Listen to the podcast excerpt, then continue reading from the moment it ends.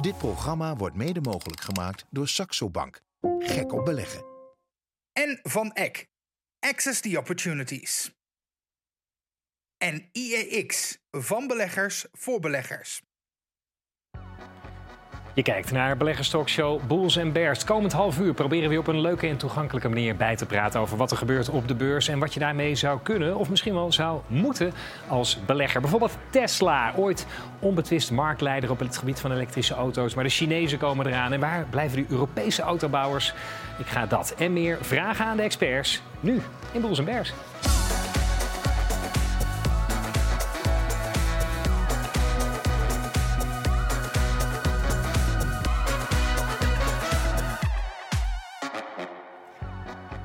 Dag, leuk dat je kijkt naar Beleggerstalkshow Bulls en Bears. Deze week met eh, Martijn Rozenmuller, CEO Europa bij Fondshuis Van Eck. Justin Blekemolen van Links. Professioneel beurshandelaar Pim Bertens. En Peter Six, beleggerstrainer bij Saxo. En auteur van het boek Beleggen voor Dummies. Eigenlijk zou hier Hildo Laman zitten van IEX. Uh, in plaats van uh, Justin. Justin, fijn dat je er bent. Maar ja, Hildo is ziek, dus wij wensen hem vanaf deze plek van harte beterschap. Um, wat sowieso wel beter gaat, heren, even voordat we beginnen, is de filmposter van Bulls and Bears. Want vorige week hadden we het over AI en wat je daarmee kon. Uh, generative AI. Toen heb ik zitten vreubelen. Gevraagd, joh, AI, filmposter Bulls and Bears, maak hem even. Toen kreeg ik dit. Maar een kijker die is aan de slag gegaan en die kwam met dit. Kijk jongens, dat ziet er al... hè? Je bent, Ah, wat, je bent wat kilo's kwijtgeraakt. in Ik wat kilo's kwijt. Ik vind deze veel beter, alleen ik, ik vind de stropdassen, dat mag, die mogen af. Nou, Ja, en een beetje veel beer vind ik ook wel hoor. Ja. Beetje veel bear, beetje veel bear. Ja, het mag iets, eh, iets meer in balans. Maar dankjewel, Hobie was dit. Eh, dankjewel, eh Hobie, voor je gesten. En ik zou sowieso zeggen, kijkers, eh, blijf dat soort dingen insturen. En ook vragen via boelsandbears.tv kun je dat allemaal kwijt. Ehm, over tot de orde van de dag. Het cijferseizoen eh, barst los. Eh, Justin, eh, is er wel iets wat je opviel deze week? Jazeker, Just Eat uh, Takeaway kwam met cijfers. En die ja, waren toch ook weer iets minder goed dan uh, verwacht. Mhm. Ehm, ja, de orders vielen behoorlijk terug. Ook uh, de totale bruto transactiewaarde kwam iets lager uit dan, dan verwacht. Dus ja, Takeaway zit nog steeds in het verdomhoekje. Alleen de echte klap, ja, die kwam maandag al nadat BNP Paribas eigenlijk al waarschuwde voor ja, slechte cijfers. Toen ging het aandeel ook al 8% onderuit. Vandaag staat het toch ook wel weer 2% lager. Want ja, vooral die groei in Noord-Amerika, die valt tegen. Eigenlijk moet dat is een beetje blok aan het been, hè, volgens mij. Ja, het is een populair aandeel, maar dat, daar moeten ze vanaf zien te komen. Zeker, ja, ja. Ik zeg groei, eigenlijk moet ik zeggen krimp. Want uh, ja, de, het aantal orders kwam 13% lager uit dan in hetzelfde kwartaal een, een jaar geleden. Dus uh, ja, dat ziet er niet zo goed uit. En uh, dat is natuurlijk Grubhub, dat gedeelte wat ze toen in 2020 hebben gekocht. Ja, daar willen ze vanaf, maar daar lijkt ze maar geen koper voor te kunnen vinden. Dus uh, voorlopig uh, nog een beetje in zwaar weer. Ik zou zeggen, de fietscouriers van uh, Just Eat Takeaway, wilt u er wat aan doen? bestel vooral, zou ik zeggen. ja, Peter, nou ja, klein donker wolkje daar aan die kant. Verder is het beursjaar een beetje kabbelend van start gegaan. Dat lees ik overal. Het komt nog niet echt van zijn plek. is dat inderdaad zo? Of... Nou ja, het, is nu, het is nu woensdag. Hè. We hadden een paar dagen hiervoor een redactievergadering. Toen zei ik, dat is mij opgevallen, dat het eigenlijk redelijk vlak begonnen was. Het was plus of min een procentje eigenlijk wereldwijd voor alle indices. Mm -hmm. Uh, is misschien ook een beetje reactie op uh, sterk december. Hè? Wat, wat mag je dan verwachten? De positieve uitschieter, dat was, uh, dat was Japan. Japan? Ja, die beurs stond 6, 7 procent hoger. -hmm. Heeft eigenlijk met twee dingen te maken. Um, de valuta, de yen, die is zwak. Deze grafiek zou er in, in dollars echt anders uitzien. Uh, dat is er één. En de tweede is, is dat die rente in Japan toch nog wel een tijdje laag zal blijven. Ja, toevallig vorige week, vorig jaar, was ik op de IEX Beleggersdag. Toen was er ook iemand in de zaal die zei Japan. En nu hoor ik jou dit zeggen. Dat, dat, is het dan dat daar iets zich afspeelt, een soort groeiwonder... waar je dan als belegger misschien eens naar moet gaan kijken? Nou ja, meneer Buffett heeft dat natuurlijk een tijdje geleden al gedaan. Hè. Dat heeft ook groot het nieuws gehaald. Hè. Dat Japan was wel een plek waar hij in wilde investeren. En sinds dat punt hebben ze het waargemaakt. Ja. Blijft natuurlijk wel spannend met dat valutarisico, hè, wat, er, wat erin zit als je naar Japan gaat. Um, maar het is zeker iets uh, het bekijken waard. En ze laten dat met een plus year-to-date zien van plus 6, plus 7 procent. Juist. Goed, je zegt ook, ik heb ja, resultaten uit het verleden, geen garantie voor de toekomst. Maar Uiteraard. de moeite waard om eens te bekijken. Spannend, weliswaar. Uh, ook altijd spannend het leven van Martijn Rozenmuller. Want ja, je, je komt overal, je spreekt iedereen. Bijvoorbeeld bij onze collega's van de NOS, daar staat hij.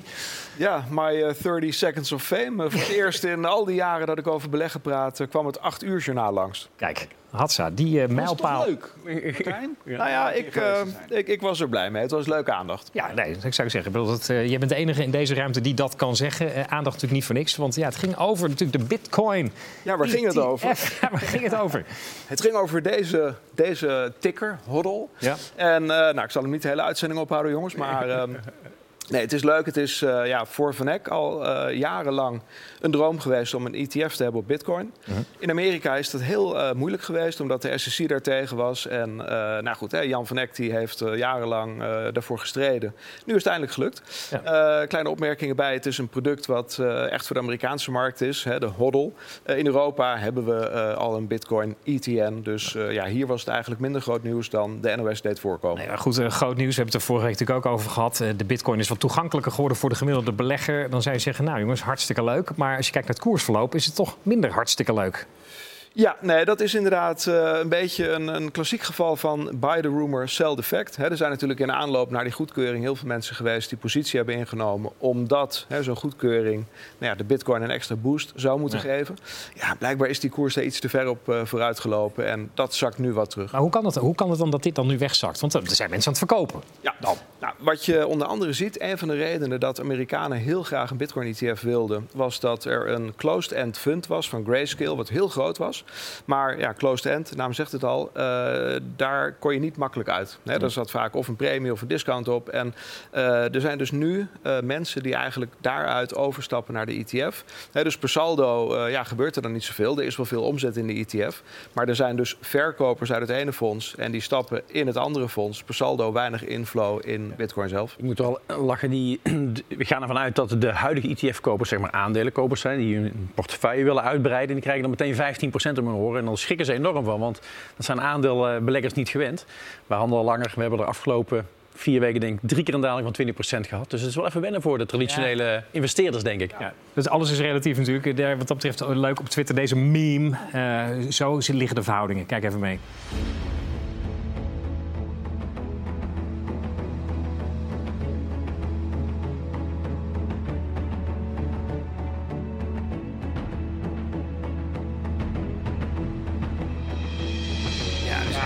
Grappig, hoor. Hij is erg En erg waar. Ja, een crypto-belegger is 20% eraf, is niks. Nee, dat, dat is, maar je, je gaat ook niet zo groot handelen in uh, crypto's dan je, dan je in aandelen doet. Je past ook je, je bedrag erin op, op in aan. Ja. Maar goed, je zou ook kunnen zeggen, iedereen die erin wilde, zat er misschien ook al in, hè? op een andere manier. Ja. Die inflow moet nog komen, denk ik echt, in die bitcoin. Maar er zijn ook mensen die willen er niet in. Bijvoorbeeld grote concurrent van Van Eck, Vanguard. Die zeggen dit over het fenomeen bitcoin ETF. And what do you think of a bitcoin ETF as an investment tool for your customers?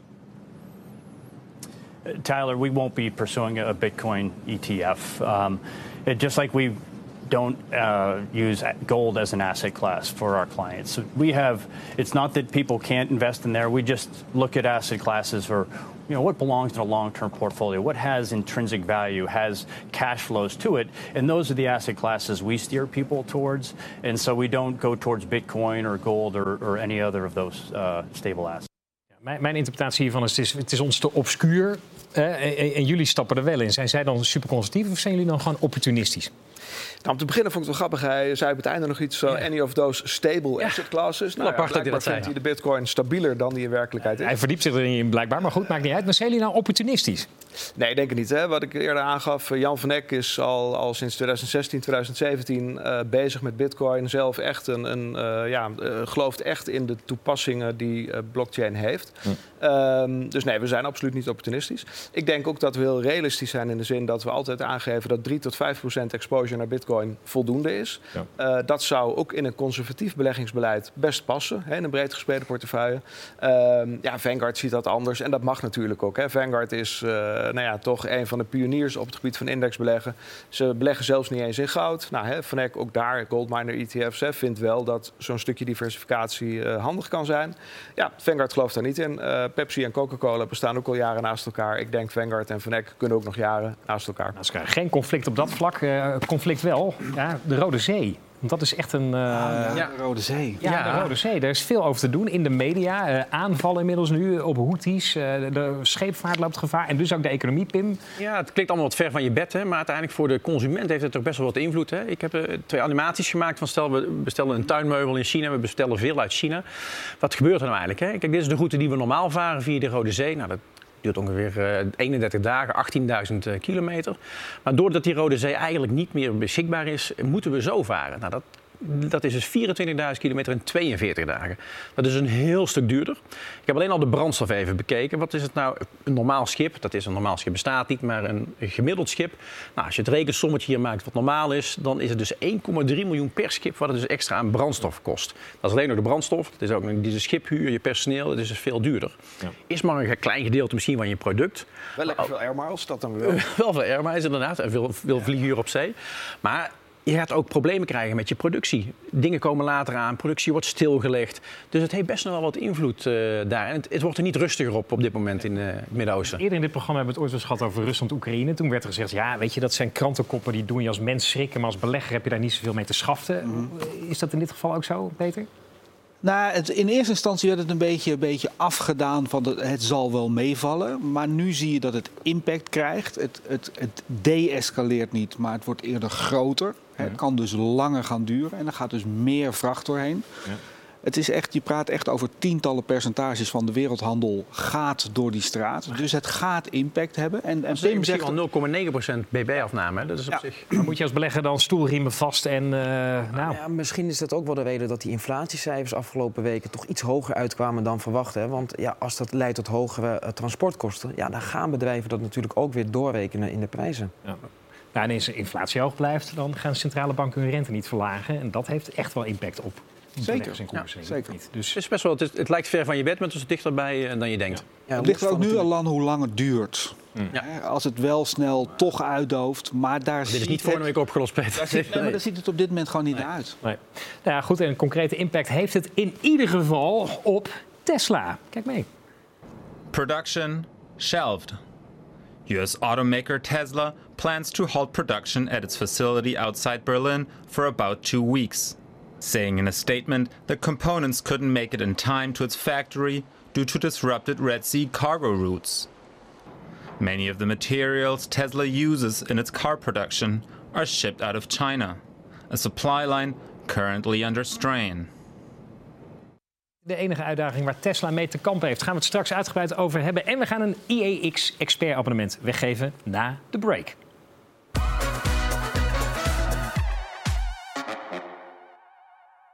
Dit programma wordt mede mogelijk gemaakt door Saxo Bank. Gek op beleggen. En van Eck. Access the Opportunities. En IEX. Van beleggers voor beleggers. Dit programma wordt mede mogelijk gemaakt door Saxo Bank. Gek op beleggen. En van Eck. Access the Opportunities. En IEX. Van beleggers voor beleggers. Thank you. Welkom terug bij Beleggers Talkshow Bulls Bears met Martijn Rozenmuller, CEO Europa bij Fondshuis Van Eck. Justin Blekemolen van Links, professioneel beurshandelaar Pim Bertens en Peter Six van Saxo. Ja, het cijferseizoen uh, barst los, eerste van dit jaar. Uh, onder andere Tesla komt volgende week met cijfers. En ja, heel populair aandeel volgens mij, maar genoeg uitdagingen, Peter. Het aandeel Tesla, neem ons eens mee. Ja, maar Tesla, er zijn altijd, hè, met, met zo'n CEO zijn er altijd uitdagingen. Ja. En als je kijkt naar het koersverloop in 2023 bijvoorbeeld, we starten op 100, we zien 300 en we staan nu... Um, staan we op 220. Hè? Dus de, er beweegt genoeg. Mm -hmm. um, maar eerder in dit programma hebben we het wel eens gehad over Tesla. En toen zeiden we nog van nou, maar Volkswagen en die Europese autobouwers... die gaan een keer een momentum maken en dan halen ze Tesla in. Uh, maar het zijn nu de Chinezen, begrijp ik, die, uh, waar we ja. naar moeten letten, op moeten ja. letten. Nou ja, dat is, dat is bijzonder. In het vierde kwartaal van vorig jaar heeft BYD, uh, BYD, Build Your Dreams... die heeft Tesla qua productie gewoon ingehaald. Ja. He, die zitten nu op 524.000 auto's en Tesla zit iets onder de 500.000 auto's. Mm -hmm. In Nederland zien we dat nog niet, hè, want Tesla verkoopt 20.000 auto's en BYD 1200. Maar ze komen eraan. BYD heeft een boot gebouwd, daar kunnen 7000 auto's op. Boet, die gaan naar Europa. Ze hebben daarnaast ook, dat was eind december, gezegd... we gaan een fabriek starten in Hongarije. En dan gaan we van daaruit leveren. Dus die zijn echt aan de weg aan het timmeren. En qua aantallen zijn ze dus over Tesla heen. Als je gaat productie, hè? productie. Niet En- verkoop. Dat is ook nog wel een dingetje. Ja, en, en, en wat er dan ook nog is, de prijs van Tesla is iets boven de 40.000 en van BYD is iets boven de 20.000. Maar terecht punt. Ja. Je- Ja, maar goed, als je het hebt, want dat, dat lees je in de kranten. Elektrische auto's zijn duur. Maar als die Chinezen met veel goedkope modellen komen, et cetera, dan, dan, gaat dat, dan kan het Je hard ziet gaan. dat vandaag eigenlijk. Hè? Vandaag toevallig prijsverlagingen van Tesla 5000 dollar op de duurdere modellen. Het is niet de eerste keer dat Tesla eh, de prijzen verlaagt. Die, ook, eh, ook, ook die, die tweedehands verkopers die vinden dat niet zo prettig. Want die heel die voorraad die, eh, die, die wordt elke dag minder waard. Maar dit, dit heeft er ook wel te maken, denk ik, met jouw verhaal qua concurrentie. Ja, nee, maar ze, ze, ze moeten wat. En die Chinezen, of ze nou niet of wel of niet gesteund worden, eh, die, die komen. Dus Tesla moet wat. En we gaan ze zo direct even naast elkaar zetten. Hè? Ja. Tesla Ja, doe maar, doe meteen maar even, zou ik zeggen. en, en BYD. En dan zie je dus dat ja, Tesla core market cap is echt tien keer zo groot. En we gaan niet alle cijfers behandelen. Hier staan wel de cijfers van het aantal verkochte auto's. Koers winst 71 voor Tesla en 19 voor BYD. Hè, dus op het oog is het goedkoper. Ja. En als je gaat kijken naar de aankomende verwachte winst, dan is het 60 om 15, zeg maar even. Maar je noemde net Volkswagen, dat heeft een koerswinstverhouding van 3,5, 4. Mhm. En het lijkt erop dat de beleggers dus op dit moment gewoon echt heel weinig vertrouwen hebben in Volkswagen. Ja. Ehm, Ja, wat misschien grappig is, is dat als je zeg maar 20, 30 jaar geleden, hè, toen kwamen die Aziatische autoproducenten ook Ja. echt op. En toen was er in ieder geval één ding wat je van al die producenten kon zeggen: die auto's waren foei lelijk. Ja. Je zag gelijk het grote verschil tussen een Europese auto en Ja. een Aziatische. Nu, moet ik eerlijk zeggen, ook Ja, net bij het prachtig filmpje, uit. ze zien er mooi uit. Ze Ja. zien er goed uit, maar ik ben wel benieuwd naar de kwaliteitsverschillen. Als die prijsverschillen ook zo groot zijn en dat BYD in zo'n korte tijd de productie zo heeft kunnen opvoeren. Ja, ben wel Ja, maar ik vind het wel grappig, de productie. Want ik las ook een. Eh, eh, eh, Jean-Paul van Oudhuis heeft heel toevallig gisteren op zijn eh, website. Markets Are Everywhere. Toevallig dit onderwerp ook behandeld. Heel leuk. Leuke feiten stonden erin. Onder andere zegt hij dat er een hele grote voorraad. Voor elke verkochte BYD staan er ongeveer twee onverkocht op het platform. Ja. Wel geproduceerd in de cijfers. Dat is een beetje de Chinese onroerend goed. hè. We bouwen steden waar helemaal geen vraag naar is. Ik, ik ken heel veel mensen die Ja. een Tesla willen, maar ik heb nog nooit iemand gehoor- horen zeggen Nee. dat hij een BYD wil. Nee. Nee, maar jongens, ik- ik- bijna zou ik zeggen, begin volgend jaar, dan gaan we eens kijken hoe de verkopen zijn geweest van BYD in Nederland versus Tesla. En dan zit, staat er echt een hoger getal dan 1230. Ja, nou, en ik, en ik heb, want ik heb in de voorbereiding ook een filmpje, Engelse vergelijking tussen een Tesla, een BYD en een Volkswagen. En dan komt die Volkswagen er toch met afstand het slechtst uit. Ja. Minste actieradius, toch het duurste, minste value for money. Dan denk ik, ja, kunnen we de Europese autobouwers, moeten we ons niet daar ernstig zorgen over gaan maken en daar misschien dat la- laten lopen? Nou, ik, ik, ik denk dat er één ding is. Als je met gewoon wat mensen praat en als ze mogen kiezen tussen een Chinese auto of een Duitse auto, hè, als dat de keuze is, dan denk ik dat Volkswagen misschien nog twee, drie, vier jaar de tijd heeft en de gunfactor van de consument. Ja. En dat ze dan zeggen, ja, ik koop toch liever een Volkswagen ja. dan die BYD. Maar als ze in die tijd niet bij weten, scha- weten te schakelen, ik denk dat Volkswagen dan echt een nog groter probleem heeft dan het nu heeft. En, eh, dus eh, zij moet aan de bak, sowieso. Tesla, eh, hoe kijk je daarnaar? Is dat een koopwaardig? Tes- ja, Tesla is sowieso meer dan die auto alleen. Hè. Eh, dat is, die hebben ook dat Optimus. Dat zijn die. eh, eh, was, was, gisteren zag ik daar een filmpje van dat hij een t-shirt aan het opvouwen was. Dat is ook Tesla. En ze hebben een heel AI-stuk Tesla. En nou, ik weet niet of het jou. Zelfrijdende, hè, full self-driving. Software is het ook. Software. Is, dus het is meer dan een Volkswagen. Dus dat verklaart ook wel een stukje.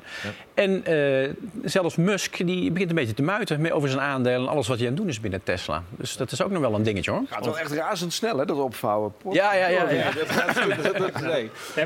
Dan toch even kort. Tesla, ja, het is natuurlijk echt uit de heup schietend. Maar is dat een interessant aandeel? Nou, inter- interessant, interessant is het sowieso. Om- maar er zit, de, de prijs is op dit moment denk ik heel hoog. En het is nog steeds voor negen, bijna 90% is het de auto. Er zijn nog wat aanpalende diensten. Ja. Leasing is een stukje, energy en storage is ook een stukje. Maar het is voor 90% nog steeds de auto. En daar gaan ze dus echt serieus concurrentie op krijgen. En dan is BYD niet de enige Chinese. Ja, misschien eh, moet het dan wat, eh, wat behoudender zijn. Bijvoorbeeld dividendaandelen. Krijgen we een kijkersvraag over binnen van Bert. Bert zegt van, is een aandeel als Shell of Ahold nou koopwaardig hè, vanwege dat dividend? Nou, toevallig kwam er ook een tweet van Arend Jan Kamp, beurscommentator. Die propageert, joh, dividend op de lange termijn, daar moet je op letten. Dus daar maken we onze bruikbaar bullshit van.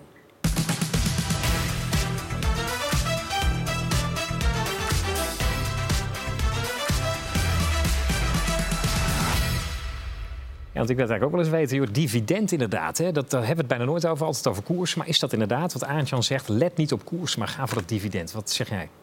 Nou, ik vind het bruikbaar. Ik denk dat je zeker op dividend moet letten. Eh, Zeker omdat wat Arend Jan aanwijst, hè, de AIX is een prijsindex zoals we hem kennen. Maar als je die dividenden meeneemt, dan is dat rendement een heel stuk beter. Hè. Bijvoorbeeld vergeleken met de DAX. DAX is een herbeleggende index, daar zit het standaard in. Eh, dus ja, dividend is belangrijk. Maar sta je natuurlijk niet helemaal blind op één of twee aandelen. En ik zou dus wat dat betreft ook niet zeggen van ik ga Aalt en Shell kopen vanwege dat mooie dividend. Ik zou dan gaan voor een wat bredere eh, portefeuille van hoog dividend Zou je aandelen. gaan spreiden dan? Ja. Is niks Ik zou dat een beetje spreiden, inderdaad. En eh, dan kan je dus nog steeds best hoge dividenden halen. En een van de mooie eh, voorbeelden van de index die we hier gebruiken van Morningstar... is dat ze een aantal selectiecriteria hebben. Eén ervan is dat dividenden niet omlaag mogen zijn gegaan. Nou, bijvoorbeeld Shell zit om die reden er niet in. Hè. Shell heeft dividenden wel eens verlaagd de afgelopen jaren.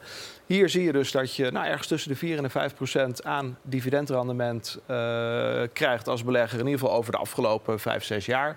Uiteraard weer geen garantie voor de toekomst. Maar hè, wel een, een, een goede indicatie van wat je als dividendbelegger kan verwachten. Ik noteer een uitgebreide bruikbaar eh met de nuances. Eh Justin, kort, wat is Ja. jou? Eh, er zit zeker wat in, maar cruciaal voor dit eh, voorbeeld is ook natuurlijk dat het dividend moet worden herbelegd. En ik heb het even opgezocht. In de afgelopen 100 jaar kwam zo'n 40% van het, eh, eh, ja, het rendement op de S&P 500 van dividend. En dus 60% komt van koerswinst. Dus koerswinst is misschien nog wel iets belangrijker dan het dividend. Jij zegt bullshit, Pim. Ook bullshit. Ehm, heel kort, eh, als je alleen op dividend blind staat, had je Amazon gemist, had je Tesla gemist. Die keerde in het begin allemaal geen dividend uit met mega koerswinsten. Dus het is een onderdeel, maar niet het belangrijkste. Beter dan. Maak je er 3-1 van. Eh, nee, het is, het, is, het is bruikbaar. Het wordt over het hoofd gezien. Het ligt er ook een beetje aan waar je bent. Als ik, eh, als ik eh, in de herfst van mijn leven ben, dan vind ik het fijn om wat inkomen uit mijn beleggingen te halen. En dan is dividend is daar een, een onderdeel van. Als je jonger bent en je hebt dividendbeleggingen, dan herbeleg je het. Want dan heb je de cashflow nog niet nodig. Dus nee, ik vind het wel bruikbaar. Nou, dat maakt het je- Maar weer... ik blijf wel op koers letten trouwens. Ja, oké, maar ja, dus 2-2. Dat- Het is niet alleen een moeizaam beursjaar. Dat het is ook elke week proberen. Twee, twee. moeis- Jij- jij mag Moeizame beslissen. bruikbaar bullshit, dan moet ik het weer zeggen. Ja, ik, ik- kijk, ik, ik, ja, ik, eh, ik wil graag dat het waar is, laat het daarop houden. Want ik vind het wel aantrekkelijk, dat dividend-idee. Dus ik ga er toch voor bruikbaar. Sluis je bij ons aan. Juist. Goed, ehm, ja, waar zijn we dan gebleven? We gaan naar de agenda. We zitten midden in dat beurs, eh, in het cijferseizoen natuurlijk. Dus volgende week zal er ongetwijfeld wat vallen. Waar ga jij eh, naar kijken, Pim? Of, of Pim? Noem me voorlopig Martijn. Ben van de, ben van de leg. Ben van de leg. Martijn. Nou, eh, personal income, personal spending op vrijdag. ook een beetje toch weer met het oog op de eventuele inflatie en de rente. Ja, daar zijn dit soort cijfers belangrijk. Oké, Justin? Nou, ik kijk heel graag naar die cijfers, Netflix, ASML, maar zeker naar Tesla. Zeker omdat de verwachtingen nu wat laag zijn, kunnen ze zomaar eens gaan verrassen. Peter? Eh, voor mij eh, US Leading Index. Het gaat, het gaat erg over Amerika. En de groei daar die gaat bepalend zijn voor de rente. Ja, Pim, tot slot. ASML. ASML, kijk eens aan, check. Heel kort. Ehm, dan gaan we naar de prijsvraag. We geven elke week een IEX expert abonnement weg. Kun je dit blad winnen wekelijks in je postbus. Zes maanden lang. En de analyses van meer dan 150 beursgenoteerde ondernemingen in je mailbox. Moet je de slotstand van de AEX van aanstaande dinsdag voorspellen.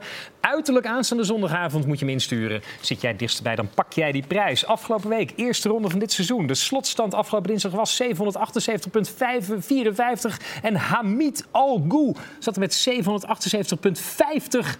Ongelooflijk dichtbij. Dus Hamid, gefeliciteerd. Ah, heel knap. Een goede glazen bol, eh, sowieso. Check bullsandbears.tv. Daar kun je de uitzending terugkijken. Terugluisteren ook als podcast. Kun je vragen insturen en vind je nog veel meer artikelen en informatie van onze experts. Die ik dank voor hun aanwez- aanwezigheid. Martijn Rozenmuller, CEO Europa bij Fondshuis van Eck. Justin Blekemolen van Links, professioneel beurshandelaar Pim Bertens. En Peter Six, beleggerstrainer van Saxo. Ik dank jou voor het kijken. Heel graag tot volgende week. Thank you.